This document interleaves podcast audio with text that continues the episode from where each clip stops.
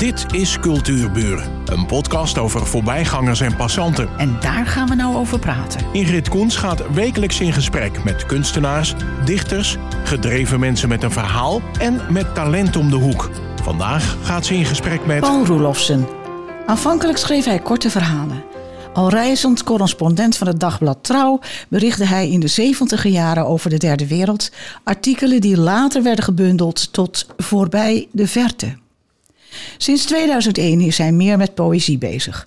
Gedichten van hem verschenen in verschillende gerenommeerde literaire tijdschriften. Hij droeg voor op vele podia in Nederland en daarbuiten. Zo was hij in Frankrijk te horen in Carcassonne en op de Volksuniversiteit en de Sorbonne te Parijs. Zijn gedichten werden vertaald in het Frans, Engels, Duits en Fries. Je kwam uit, uh, of je kwam, ja, je kwam uit Harlingen, hè, vandaar? Harlingen is, geboren, ja. Ja. Woonde in Pingjum. Oh, leuk. Ja, vlak bij de Afsluitdijk. Ja. En die werd toen net, kwamen de Duitsers, die kwamen er net aan, want die dachten dat ze, als ze de Afsluitdijk over waren, dat ze dan in Engeland waren. Oh, god. Ja, in die situatie ben ik ongeveer geboren. nou ja. Nou, ja. En, en wilde je als kind al schrijver worden? Nee, nou nee. Welke, hoe oud bedoel je? Nou, Vier, vijf, zes, zeven. Ja, de nee. periode van brandweerman en politieagent. Op dat we toen dat gehad hadden. Uh, nee, nee. Ik begon echt... Uh, schrijven begon in de puberteit, zeg maar. Hè. Dat doet iedereen. Jeugdzonde, gedichten maken die je meteen gauw weer weg moet doen. Maar je bent bezig daarmee. Maar zeg maar vanaf mijn twintigste werd ik er wel helemaal ingezogen. Uh, Waarom? omdat ik naar de Academie Lichamelijke Opvoeding Amsterdam belandde, waar een groot deel van mijn familie ook zit. En daar kwam ik terecht in de Van Breestraat, vaak achter het concertgebouw. En mijn buurman en buurvrouw waren Hans Favri, de dichter, en Lela Seskovic. Hoe kan je het zo uitzoeken? Ja, en de, waar ik dan woonde, ik was bij een vriendin daarin getrokken, wel zo makkelijk. En uh, dat waren twee huizen. Wij woonden op uh, de nummers 10 en 12 waren het. Wij woonden op 12. En we waren zo innig met elkaar dat we de bovenverdieping, de zolder zeg maar, die hadden we doorgebroken. Zodat we niet door de deur beneden moesten en naar de deur. We konden vrij bij elkaar inlopen. De eerste commune. De eerste commune, zeg maar. En daar werd ik door geïnspireerd.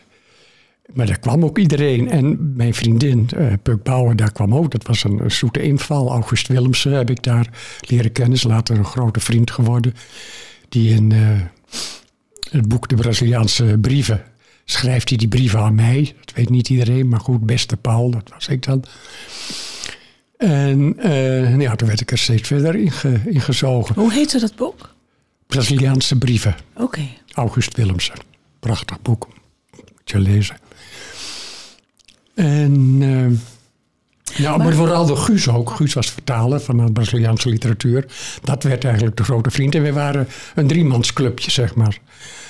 Ik deed dan, ik heb ze uh, ingewijd in, in, uh, in de sport begin moesten, waren ze daar nog erg huiverig voor, zoals het was in die tijd voor intellectuelen. Ik moest dan kaartjes kopen voor de Ajax. En dan vonden ze dat geweldig. Vooral die wedstrijd tegen Liverpool in de mist. Daar hebben ze nog alle twee over geschreven en gedicht. dat was heel leuk.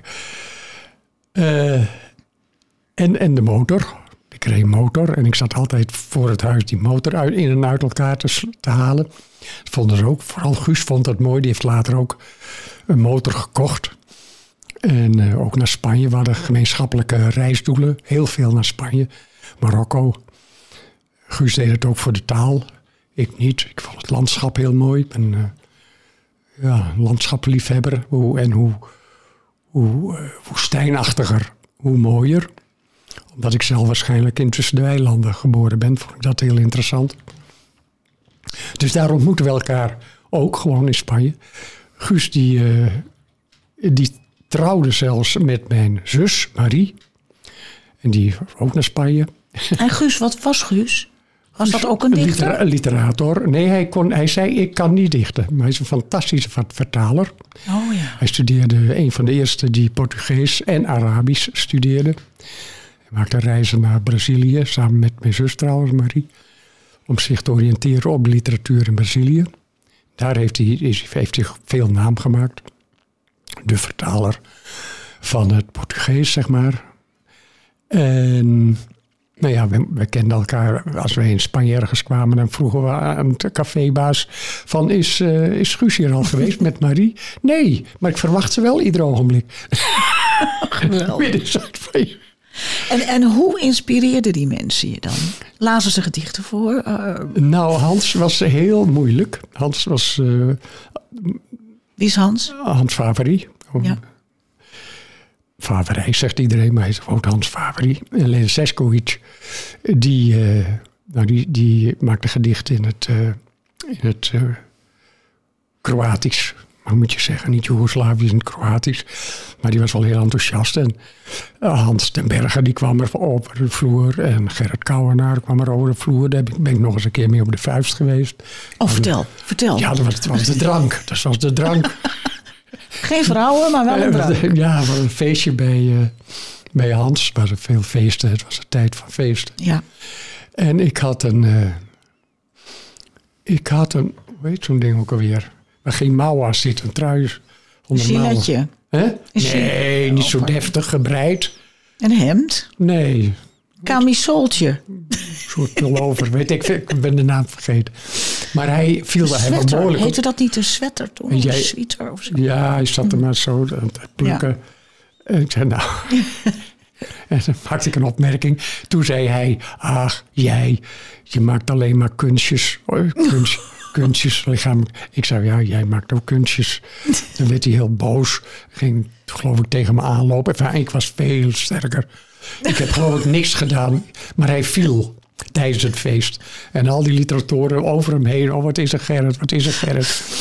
Maar Hans Faber die nam het voor mij op. Zei, nee, nee, nee, nee. Enfin, het is wel weer bijgelegd hoor. Oh, gelukkig. Maar eh, Dat waren nog eens feesten. dat waren grote feesten, ja. Waar was ik gebleven? Nou, ik, ik vroeg me af hoe die mensen jou inspireerden. Oh ja, hoe ze mij inspireerden. Ja, omdat we elkaar eh, voeden. Ik, ik deed wel korte verhalen. Dat heb ik zo los van Oh, gedaan. Ik reisde eh, naar Praag. In Praag heb ik eh, stukken geschreven over Edinburgh. Heb ik eh het nieuwjaar helemaal beschreven in, in literaire bladen. Dus dat deed ik wel. Dat dichten, dat was het nog niet zo erg. Het was, ik deed de verhalen, zij deden de gedichten en het vertaalwerk. Daar kwam het eigenlijk op neer. En eh, nou, met mij, op een bepaald ogenblik ging ik daar weg, hadden we het gehad, hè. Ja. Weer eens wat anders. En, maar toen bleven we wel goede vrienden. Ik, eh, eh, eindeloos op een tv gezeten bij de moeder van Guus kijken met z'n drieën. Wat, wat een fantastische avonden. Maar, eh, en daarna ook ging ik bij elkaar eten. En ieder, zij vertelde mij veel over poëzie, liet mij heel veel lezen. Ah, Met- kijk, hè, ja, Als je dit eens leest, ja. dan moet je dat eens lezen. Ja, ze waren En jij veel bleef, meer jij mee bleef bezig. in Ik Amsterdam. deed- En jij, jij bleef in Amsterdam. ik bleef jij in Amsterdam. En ik zat in de. Beethovenstraat. En, ja, het Grafisch Lyceum. En eh, ik moet er meer over vertellen. Nou ja, zo inspireer je elkaar. Je, kwam, je komt daar iedereen tegen. Het was ook, ook de tijd van de hippies. Die, die gasten Ja. die zag ik ook. Dat begrijp ik. En de provo's die kwamen er over de vloer. Tegen Nee, maar ik vroeg me, vroeg me dus ook af. ehm, Van huis uit heb ik het ook je bent een reis. Je, je, je, je vertelt dus dat je veel re- reisde en korte verhalen schreef. En hoe kom je bij trouw? Eh, toen Mirjam en ik besloten de reis te maken naar Australië op de motor. motor. Jeetje, dat meen je niet. Ja, op de motor. Toen, eh, ik kreeg altijd een motor. Dat was een heel gedoe. Heb ik een eh, jaar helemaal voorbereid. Wat voor motor, hoe moest die motor aangepast? Want het moest door Azië heen. En ja, een hele, hele, hele hoop voorbereiding. En we hadden geld nodig. Ja. Dus kost, we dachten dat dat veel geld voor viel reuze mee achteraf. En in Australië woonde een oom en een tante. Die, toen ging naar trouw. Ik zeg, is dat interessant voor jullie? En ik liet zien wat ik gemaakt had. En ze zei, ja, hartstikke goed. eh, we beloven niks, maar als je in de, de, eerste rustplaats hebt, en ik zei om de drie weken, dan uh, stop ik in ieder geval een week. Dan wil ik rust. En van daaruit kan ik dan een artikel schrijven. Nou, schrijf je eerst artikel maar en, gevraagd wat het, wat het opbracht. Nou, dat viel ook lekker mee. Mirjam maakte foto's, die zouden ook gepubliceerd worden. Dat is ook gebeurd. Bij ieder artikel een foto van Mirjam. Nou, dat, uh, ik weet niet meer hoeveel ze betaalde, ben ik dan weer vergeten. Maar genoeg om het te proberen. En uit Istanbul de eerste artikel geschreven. Geloof ik. Oh nee, het was eerste kwam er zelfs uit Joegoslavië. Dat was het. En ze zei, ja goed, ga door.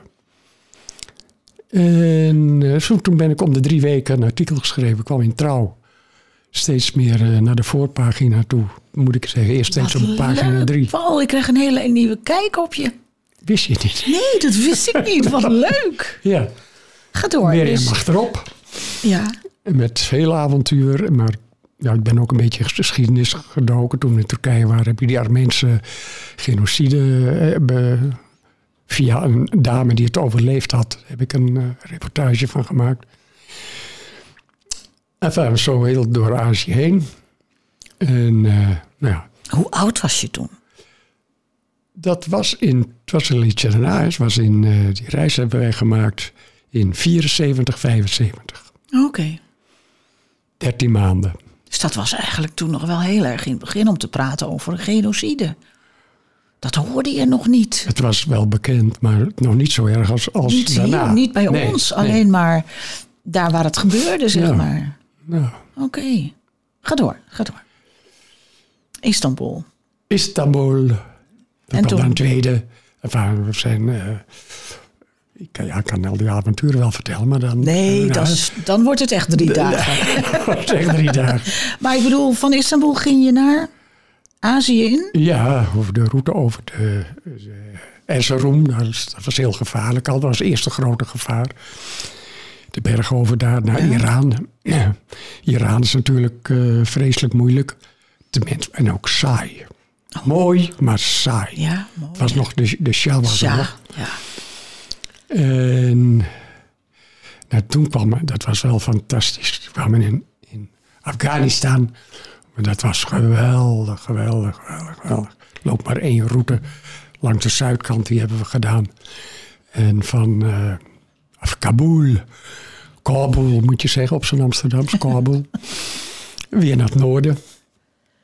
Uh, Bandi Amir en uh, nou ja, ik kan je schrik niet, maar dat was een, daarna weer heel gevaarlijk. De Kaiwerpas over.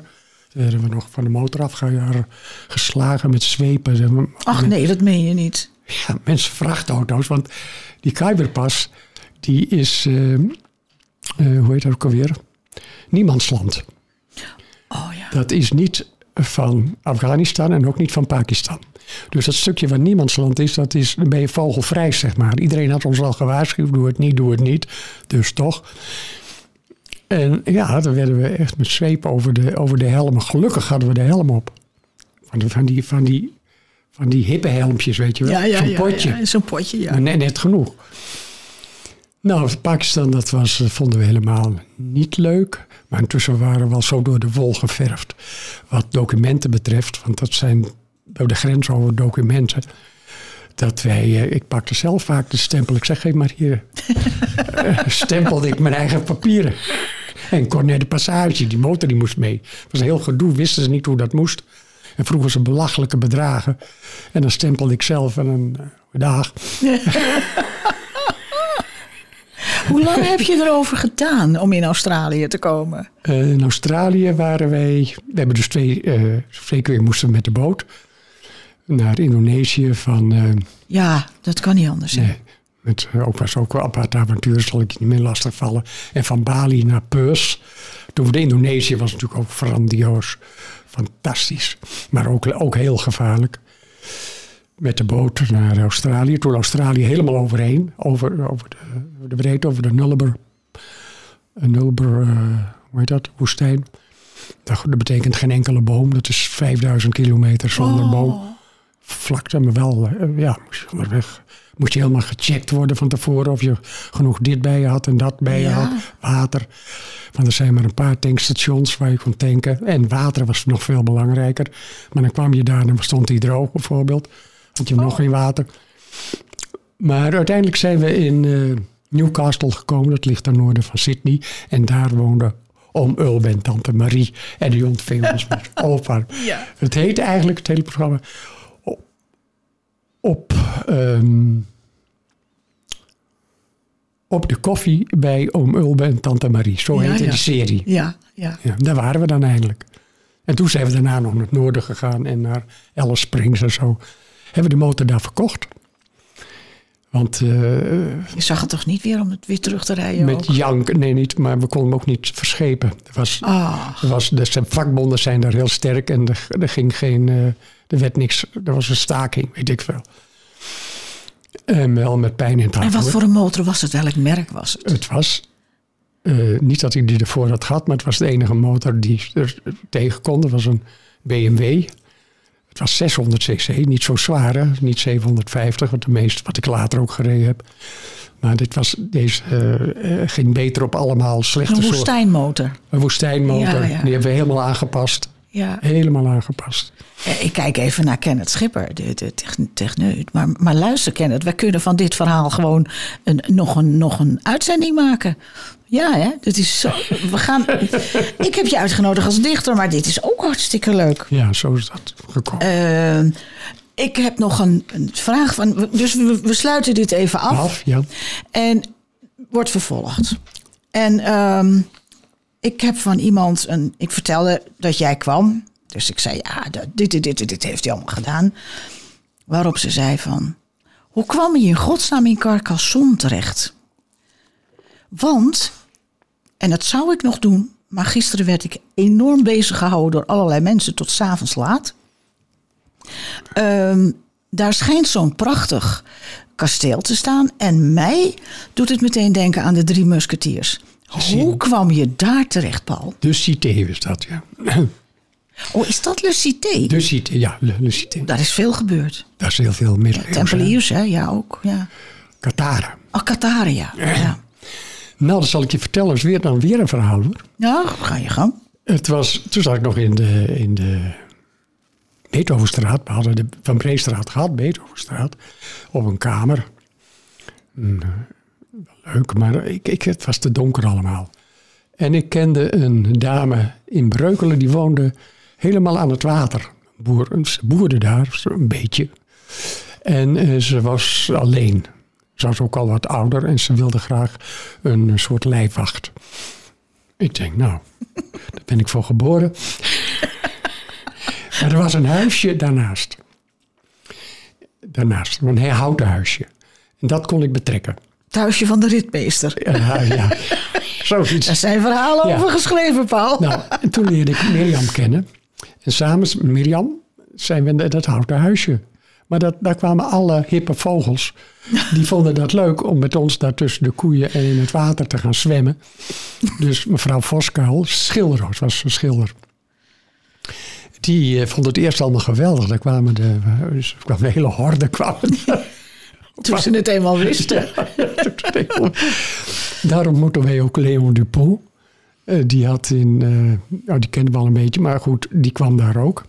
En, en om het kort te houden, die, die reisde, was ook zo'n hippe vogel. Op heet het winkeltje in Amsterdam, heeft hij met allemaal, hoe heet het ook weer? Nou ja, literatuur over hippe toestanden, zeg maar. Ehm, nou ja, rookte dan lekker wiet enzovoort. En hij vertelde toen een verhaal. Hij was in eh, Marokko geweest. Vers, Meknes, dat deden we ook allemaal. Hè. Toen kwam hij op de terugweg, eh, had hij een lift, want hij lifte. En we nam een lifter mee en zei, ik weet een heel leuk plekje hier om te lunchen. Het was net de Pyreneeën, nog niet helemaal over. En toen kwamen ze terecht in een gehucht waar niemand woonde. En dat heette Molière. Molière sur l'Alberte. En toen zei hij, nou, het is nog gekker. Ik, ik, was, ik was helemaal zo verliefd op die plek. Ik ben meteen naar de burgemeester gegaan van dichtstbijzijnde dorp. En is daar niks te koop? en, die, en die zei, eh, ja, eh, ja, ja, maar niemand wil tussen die ruïnes eh, wonen, toch? Nou, wat kost eh, het, eh, het gemeentehuis dan? nou ja, Het gemeentehuis. ja. Daar kwamen ze uit op 6000 eu- eh, gulden. Zes, die ruïne, 6000 gulden. Ja, jong, maar dat heb ik niet. Oh, nou ja. Nou. Maar toen kwam hij naar mij en toen vertelde hij me dat verhaal. Toen zei ik, maar als ik meedoe, dan hebben we het wel. Toch? Je hebt ook wel 3000. Ja, ja, natuurlijk, zegt hij. Toen hebben we dat samen gekocht. Oh, prachtig. En zo zijn we daar weer met een heel stel mensen. Zijn we de volgende zomer, allemaal mensen met linkerhanden, zijn we er naartoe gegaan.